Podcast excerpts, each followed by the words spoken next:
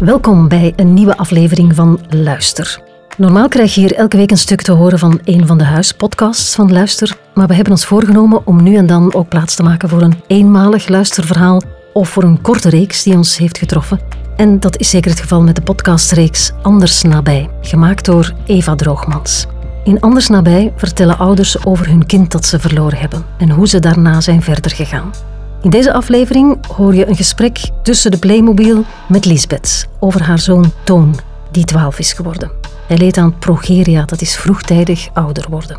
Toon is er niet meer, maar hij is er toch altijd bij. Hier is luister nummer 5, Anders nabij. Luister. Luister. Kan jij nog boos zijn om wat jou is overkomen? Om wat Toon is overkomen? Ja, in het begin wel. Hè. Als ik wist dat Toon die ziekte had, ben ik wel veel boos geweest, ja. En ook veel verdrietig. En dat heeft veel, een heel proces geweest van aanvaarding dat hem zo was. En van uiteindelijk te komen tot blijdschap dat hem zo was. Buiten het stuk dat je hem moest afgeven natuurlijk. Maar boos over dat hem gestorven is, heb ik mij denk ik niet gevoeld. Ik had het gevoel gewoon dat dat zijn weg was. Ja. Dat niet de bedoeling was om hier zo lang te zijn voor hem, maar om iets te brengen of iets te tonen. Toon, toont iets. Hoe geef je nog betekenis aan je leven na het verlies van een kind? Als alles anders is en niets nog hetzelfde. In deze podcast Anders nabij vertellen ouders over hun leven voor en na. Ik ben Eva Droogmans en in deze derde aflevering hoor je het verhaal van Toon. De hond is hier vandaag. Oei, Pauletje, die spullen. Ja, het is maar heel even zo. Hè. Dat, is, dat is heel rustig. Ik ben vanavond op bezoek in Leopoldsburg bij Lisbeth. Ze heeft me net met een warme glimlach verwelkomd en meteen ook voorgesteld aan haar hond, Paulette. Paulette, niet doen. Paulette. En terwijl die kwispelend rond mij springt, neem ik Lisbeth in mij op. Ze draagt haar rode haren in een pittige korte koep. Haar ogen staan vriendelijk en afwachtend tegelijk. Jasmijn is dat. Eh, Dat ruikt niet. Lisbeth zet een ketel water op het vuur voor de thee, Die? Ja. die ze een paar minuten later opdient in kopjes met even vrolijke kleuren als de kleren die ze draagt. Diep blauw en vuurrood. Ik voel me op mijn gemak, ondanks de reden van mijn bezoek vanavond. Want ik ben hier om te praten over Toon. Haar zoon van 12 die in 2014 overleed aan de ziekte van progeria. In de living zie ik overal kleur. Schilderijen in roze en rood, tekeningen in alle kleuren van de regenboog, bloemen. Niets doet vermoeden dat in dit huis ook verdriet schuilt. Vlak naast de tv hangt een grote foto van Toon. Hij kijkt recht in de lens en zijn ogen blinken. En met deze foto, ja, praat ik heel veel zo. Hè. Dan zit ik daar tegenover en dan kan ik zo wat tegen hem babbelen. En dan is het net dat hem heel dichtbij is ook. Hè. Ja. Ja. En wat zeg je daar zo wel tegen dan? Dat varieert zo'n beetje. Zo. Van soms als ik vind dat ik stommiteiten gedaan heb of zo. of dat ik weer rare hersenkronkels heb. Of als ik verdriet heb. Of ook als ik blij ben.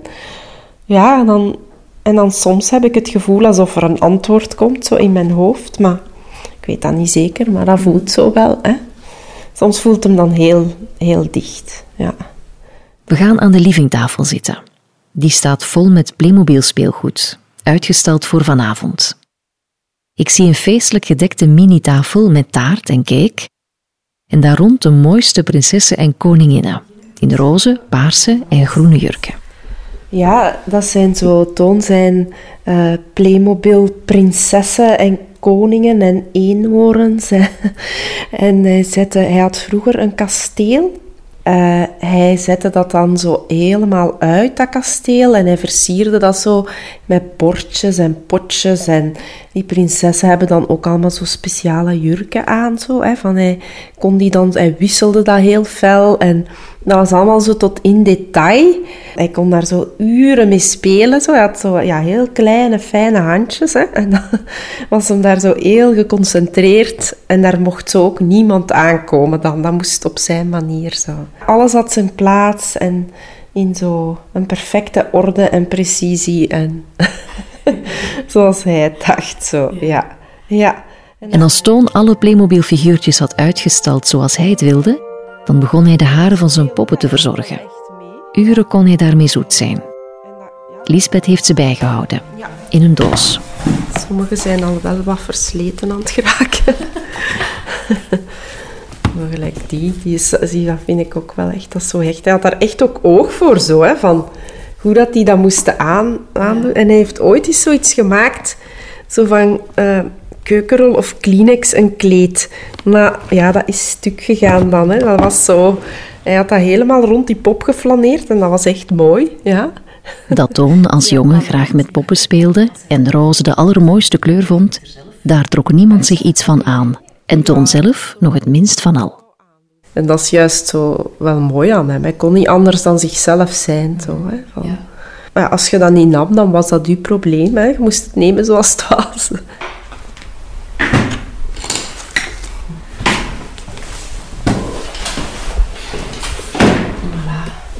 Ja, er zijn een paar foto's die ik er ooit heb uitgehaald. We kijken in het allereerste fotoalbum van Toon. Met zijn geboortekaartje en ook foto's van een hoogzwangere Lisbeth. Dan gaan we overslagen. Dan ben ik met een dikke buik. Rap weg. Klein ventje vol ongeduld. Hebben we op jou gewacht? We kunnen je nu echt vasthouden, je gezichtje strelen en aan je voetjes kittelen. De eerste zoon. Ja, dat was de eerste zoon, ja. Ja, dat is wel uh, direct overweldigend natuurlijk. Lisbeth en haar man hadden lang uitgekeken naar de geboorte van hun eerste zoon. Maar Toon maakt een moeilijke start. Hij is klein, mager en eten gaat moeilijk. Nu, wij dachten eigenlijk dat dat dan het enige probleem is. En daar maakt je dan al, al zo, ja, ik weet niet wat van. Hè, van je ziet hier al zo dat hij zo'n heel speciaal neusje heeft. Zo, hè? heel spits een beetje, zo voor een baby toch? En dan was hem thuis, denk ik. Ja. Op elke foto die passeert zie ik een klein, broos knaapje met grote, vragende ogen. Wanneer is dan voor de eerste keer dat, dat woord progeria gevallen?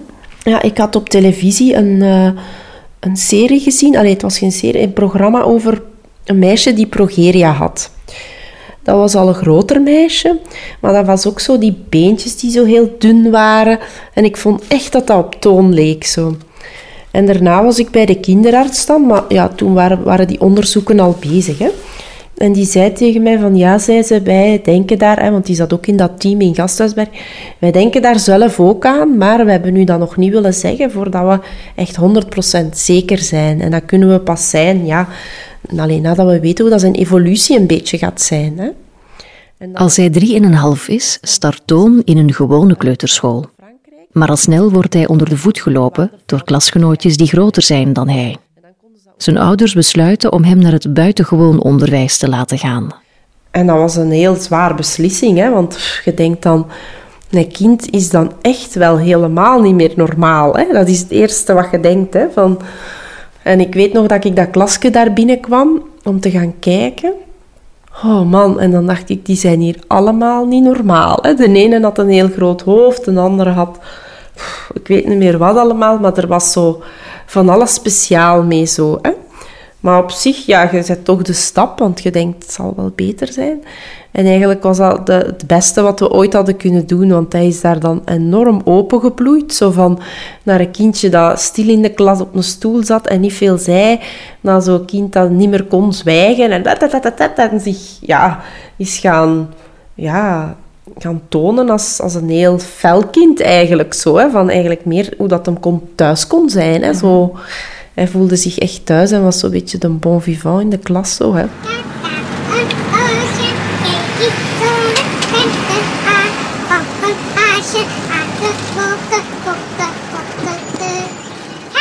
Na een paar moeilijke jaren heeft het gezin van Lisbeth zijn draai gevonden.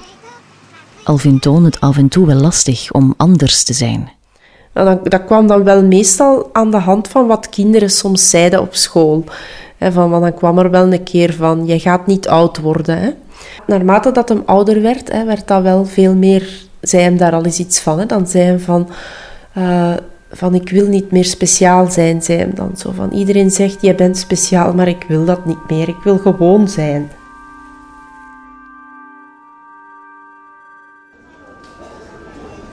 We zijn in de bibliotheek van Leopoldsburg. Vanavond vertellen Lisbeth en lotgenoot Niels hoe zij zijn omgegaan met het verlies van hun kind. Ze lezen voor uit het boek Anders nabij. En ze doen dat wel vaker, om andere ouders wat steun en troost te geven. Helemaal vooraan zitten twee dames waarmee ik achteraf aan de praat geraak. Het blijken Martien en Vera te zijn, twee juffen van Toon. En ook al is het vijf jaar geleden dat hij overleed, ze denken nog vaak aan hem. Martien bewaart toch altijd foto's van Toon op haar gsm. Toon met zijn chocomondje.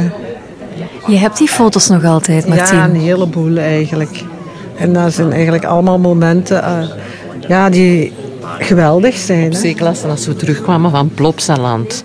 Dan was hij aan het zingen in de bus en dan wipte hij zo heel hard. En dan, dat is echt ongelooflijk. Dat is zo precies zo een, een Duracell konijntje. Wat je heel hard had opgewonden en dat dan afliep in die bus toen we terugkwamen van Plopsaland.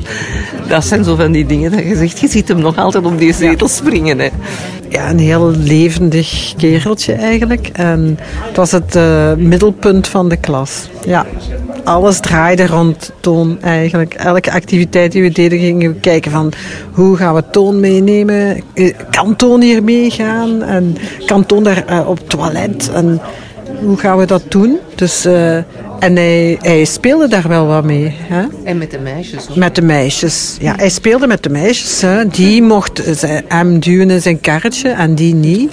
En uh, er was een heel bende meisjes die zo rond hem zwerfden en zwermden. En, die, en Toon bepaalde elke keer wie er met hem mocht spelen, wie hem mocht duwen en zo verder. Ja. Dat Toon veel zorgen nodig had en niet oud zou worden, dat was een feit. Maar Martine en Vera deden er alles aan om hem een heerlijke schooltijd te bezorgen. Ah, voor ons was het een uitgemaakte zaak en we hebben dat ook waargemaakt. We hebben gezegd van kijk, uh, wij gaan uh, voor Toon van elke dag een feest maken. En wij hebben dat eigenlijk zo goed mogelijk gedaan, mm Vera. Elke verjaardag hebben we gevierd alsof het... Alsof het de laatste Ja, maar ook met tien man voor, gevierd voor honderd man. Hè? Alles, elk, elke activiteit, elk feestje, elke uitstap werd gewoon intenser al. En dat is ook wel... Omdat je ook weet van... Ja, dit is niet blijvend. Hè? En daarom moet je dat doen. Dat, dat, was zo, dat kwam vanzelf, precies. En dat gaf ons zelf ook heel veel vreugde. En op den duur ja, zag je dat ook niet meer. Hè. Progeria die, die werd onzichtbaar. In het najaar van 2014 komt er een einde aan het huwelijk van Lisbeth en de vader van Toon. Ze gaat alleen wonen en ze probeert van dat nieuwe huis ook een nieuwe thuis te maken. Voor haar en haar drie zonen. Als dat net een beetje begint te lukken, gaat het fout met Toon. Hij heeft eigenlijk s morgens nog uh, heel zijn kasteel klaargezet. Hè, want ik heb daar dan achteraf nog zo foto's van kunnen nemen. Ik zie hem zo nog rondlopen in zijn blauw pyjama. Zo had hem aan die dag. Met zo van uh, Liep en Janneke. Ja. En het was eigenlijk een, een een zonnige dag. Het was wel november, maar het was een zonnige dag zo. En ik had zo een verandakje zo in dat, in dat huis. Dat was een, een huisje dat ik huurde. Uh, alleen dan alle. En uh, daar, daar was hem in aan het spelen. Niks aan de hand. En we hebben toen gezegd van, willen we naar de boekenbeurs gaan? Want hij hield heel veel van boeken. En, de andere kinderen ook. En uh, dan hebben we nog chocomelk gedronken zelfs in de boekenbeurs. En dan zijn we naar huis gereden en was er nog niet. Maar als ze thuis zijn, klaagt hij over buikpijn. En hij, hij wees naar zijn maag, maar Toon had eigenlijk wel vaak last van zijn maag. Zo, dat was, en ik dacht, ja, je hebt weer chocomelk gedronken, hè, chocolade. En als die zo bijvoorbeeld taart... Zijn vader neemt hem mee, maar onderweg raakt Toon bewusteloos. En ik, ik vond dat ze lang wegbleven, dus ik heb hem dan gebeld en die nam niet op.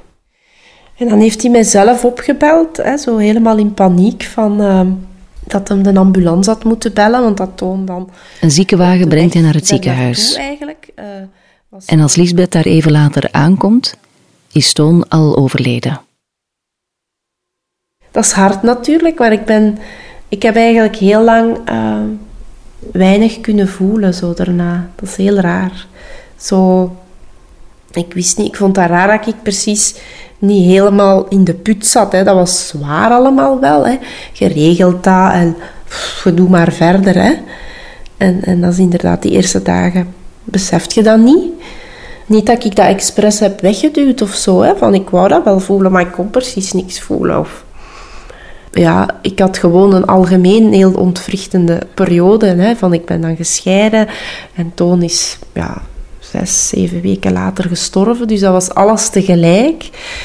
Ik denk dat dat er gewoon misschien meer bij kon om dat ook nog te voelen of zo. Ik heb heel vaak gezegd zo tegen die psychologen, ben ik wel normaal? Dat ik dat, hoe dat ik dat heb gevoeld of hoe traag dat dat ging. Of, ik had een opname van de begrafenis en op de begrafenis heb ik ook niet geweend. En heb ik gewoon ja, een tekst gelezen, een hele lange tekst, wat ik heel... Allee, dat is ook mijn ding, hè, dus ik doe dat heel graag. En wat ik ook heel, heel fijn vond om te doen. En ik bedoel maar, ik heb dan die begrafenis terug herbekeken, want die hadden daar een opname van, die mensen, in dat crematorium. En uh, dan heb ik echt heel hard geweend. Dan kon ik precies pas wenen als ik dat terugzag zo.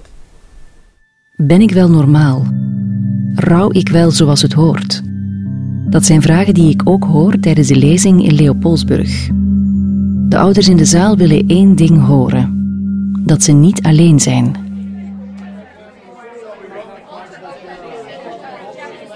Ja, ik heb mijn kindje verloren uh, aan hersenvliesontsteking. En die is op één week tijd, zijn we hem dan kwijtgeraakt eigenlijk, 13 jaar geleden. Was twee jaar, niet zo oud, maar ja, was wel heftig. Ik zat vooral met de vraag van, van naar een andere kinderen toe. Uh, of zij ook zo'n momenten hebben als ze afscheid nemen. Ze gaan naar school of ze gaan ergens naartoe van ik moet dit beeld vasthouden. Ik moet, dat is nog een herinnering. Als er straks iets met hun gebeurt, heb ik dit nog om aan te denken. Zo. Mijn zoon heeft vandaag sportdag gehad, die vertrekt met zijn fiets. Ik ga wuiven aan de voordeur, die vertrekt. En dan heb ik zoiets, die kijkt om, ik moet dit vasthouden. Dat beeld. En voilà, heel veel mensen zeggen, oh, zeg, dat is zwaar. En na zoveel jaar heb je dat wel. En dan denk ik van, ben ik nu abnormaal? En daarom ben ik nu naar hun toe gegaan, van, hebben jullie dat ook? En zij hebben dat dus ook. Dus en dat is nu voor mij van, oeh, ik ben niet abnormaal. Ik heb zelf een dochter verloren. Uh, op 26-jarige leeftijd uh, heeft ze ervoor gekozen om uit het leven te stappen. En uh, ik zocht eigenlijk van in het begin heel veel um, literatuur daar rond. Um, om door daarover te kunnen lezen, mij een weg door dat verdriet te gaan uh, zoeken. En dat boek heeft mij daar enorm goed mee geholpen, omdat er zoveel verhalen in staan die zo herkenbaar zijn voor mijzelf, dat het deugd deed om te merken van ja, er zijn andere mensen die hetzelfde meemaken. Weliswaar op een andere manier, maar die door datzelfde proces gaan. Mijn dochter is drie jaar geleden, de 25 maart, overleden aan hartfalen. Die was 43 jaar. Ik heb s'morgens uh, van mijn zoon telefoon gekregen. Die was rond de podden draaien. Dat was echt niet deze manier van doen. Ik zeg, kom jongens, smijt het eruit. Ja, papa zegt hem, ze is dood. En dat zinneke, die drie woorden, die hoor ik elke dag. Van s morgens tot s avonds. Ongeacht wat er gebeurt. Waar ik ben, maakt niet uit. Dat zinneken hoor ik. En dan is het kwestie van verder te gaan. Mijn motto is: de bol draait, we staan erop, we draaien wel mee. Dus als, als morgen het licht uitgaat, is dat. Dat interesseert mij eigenlijk niet meer. Mijn dochter was mijn maatje. Ja. En als bij mij het licht uitgaat, dan zijn we terug samen. Kunnen we terug samen op stap gaan. Er wordt gehuild en getroost die avond. Mensen houden elkaar vast en stellen elkaar gerust. Het is oké wat ze voelen, of niet voelen. Het is allemaal oké.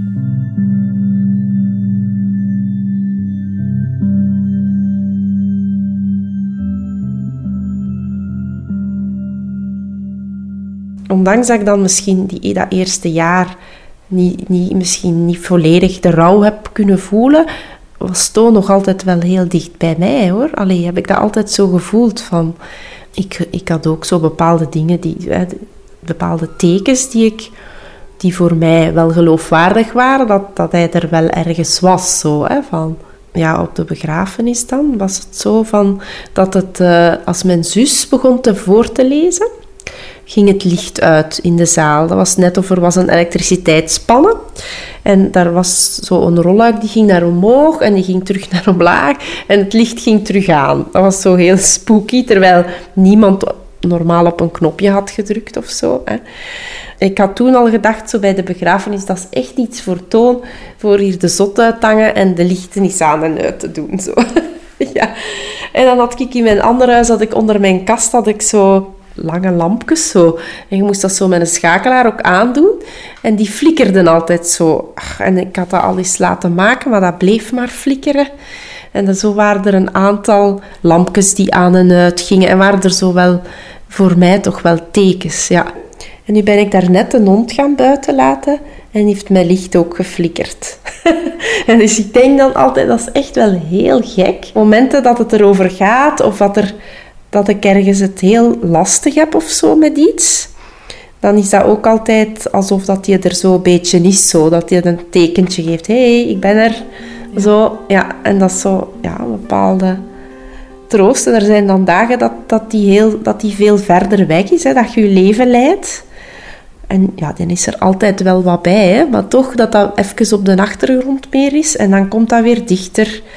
Ik heb daar zo een bepaalde toch een kracht ergens gevonden zo, om, om ermee mee om te gaan en om het mee te pakken in mijn leven als iets, als iets moois en iets positiefs, ondanks het verdriet. En ja, er is ook zoveel, zoveel moois geweest door, door wie dat Toon was op zich, hè, door zijn guitigheid en zijn grappige verhalen, door zijn, alleen al zijn stem is al heel gek en alleen gek, speciaal en, en vreugdevol. Uh, door, door, door zijn speelsheid. Dat is, dat is iets dat voor mij nog altijd heel inspirerend werkt over voor wie ik nu ben. Haar blik dwaalt over de Playmobil-figuurtjes van Toon. En ik zie herinneringen in haar ogen. Vond je dat moeilijk om, om die poppetjes nu van Playmobil terug boven te halen? Nee, moeilijk niet, maar ik vond het eerder ontroerend en ik heb er een foto van gemaakt en ik had dat ook naar zijn papa doorgestuurd en dan gezegd dat jij ging komen. Ik zeg van dat is eigenlijk wel heel speciaal, wat dat, dat zo iets moois, wat dat naar boven brengt, om wat dat gewoon zo doet. Zo van, er is niemand anders die dat hier zo uitstalt, gelijk Toon zou gedaan hebben. Zo, hè, van. Zou jij het goed gevonden hebben, hoe je ze hier gezet hebt? Ik denk dat het nog wat veel te rommelig is, maar ja, dat ben ik. ik hè. ja, hij zou wat meer orde gehad hebben. Maar het valt nog mee, ja. Ja, hij zou het wel goed vinden, denk ik. Maar hij zou het natuurlijk anders doen, hè. Ja. Als ik even later afscheid neem en naar mijn auto wandel, moet ik denken aan een voorval die avond in de biep. Toen de pianiste van dienst aan haar stukje muziek wilde beginnen, viel haar elektrische piano uit. Volgens Lisbeth duidelijk een grapje van Toon. Zou het?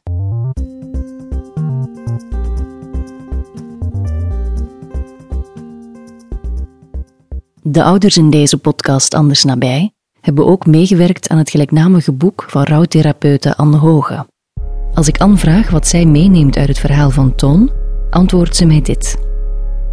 Lisbeth is voor mij het, uh, het toonbeeld van, uh, van echtheid, van hele authentieke echtheid, van wie dat Lisbeth echt is. En wat dat daar onvoorstelbaar mooi in is, is hoe zodat ze toon um, nodig heeft en op een hele mooie manier hem omarmt om verder te kunnen in haar eigen proces. En dat ook met, met een op zijn Lisbeth dankbare manier kunnen doen. En dat is toch dat is toch wel uitzonderlijk. Niet in de zin dat het, dat het niemand niet lukt, maar het is ook niet algemeen dat mensen na het verlies van hun kind uh, in een dankbaarheid kunnen gaan staan. Maar dat is dus voor Lisbeth wel zo. Die kan echt ook wel dankbaar zijn voor de periode die ze dan wel gehad heeft met Toon. En hoe dat Toon uh, op een bepaalde manier ook niet gestopt is met leven in haar leven, maar verder gaat als een, als een soort mentor, als een soort uh, inspiratiebron voor haar verder leven. En ze toon op die manier heel uh, dicht bij haar houdt. En, en wat dat me elke keer opvalt in al deze verhalen, maar in alle verhalen van mensen die ik in de praktijk zie, is dat het een, um, een verkeerd idee is dat een overledene afwezig is. Er is veel meer aanwezigheid van de overledene dan dat er afwezigheid is van de, van de overledene. Als je graag meer wil weten over het boek, dan kan je terecht op andersnabij.be. Deze podcast werd gemaakt door mij, Eva Droogmans, en Sarah Giele schreef de muziek. In de volgende aflevering hoor je het verhaal van Steven en Sylvie. Hoop is een moeilijk woord, hè? Hoop lijkt zoiets van, oh, er gaat iets goed gebeuren, maar ja, dit kun je niet terugdraaien. Het gebeurt en je kunt dat niet terugdraaien. Maar ik heb altijd wel geprobeerd om daar niet het negatieve altijd van te zien, maar ook het positieve. Dat is wel heel raar wat ik nu zeg.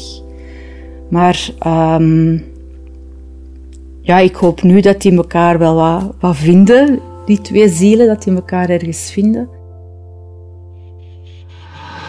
Dit was het verhaal van Toon uit de podcastreeks Anders Nabij. De reeks bestaat uit vijf luisterverhalen. Je vindt ze op andersnabij.be. En voor de podcasts van het Luistergezelschap moet je naar luister.be. Dat is luister met een y. Luister.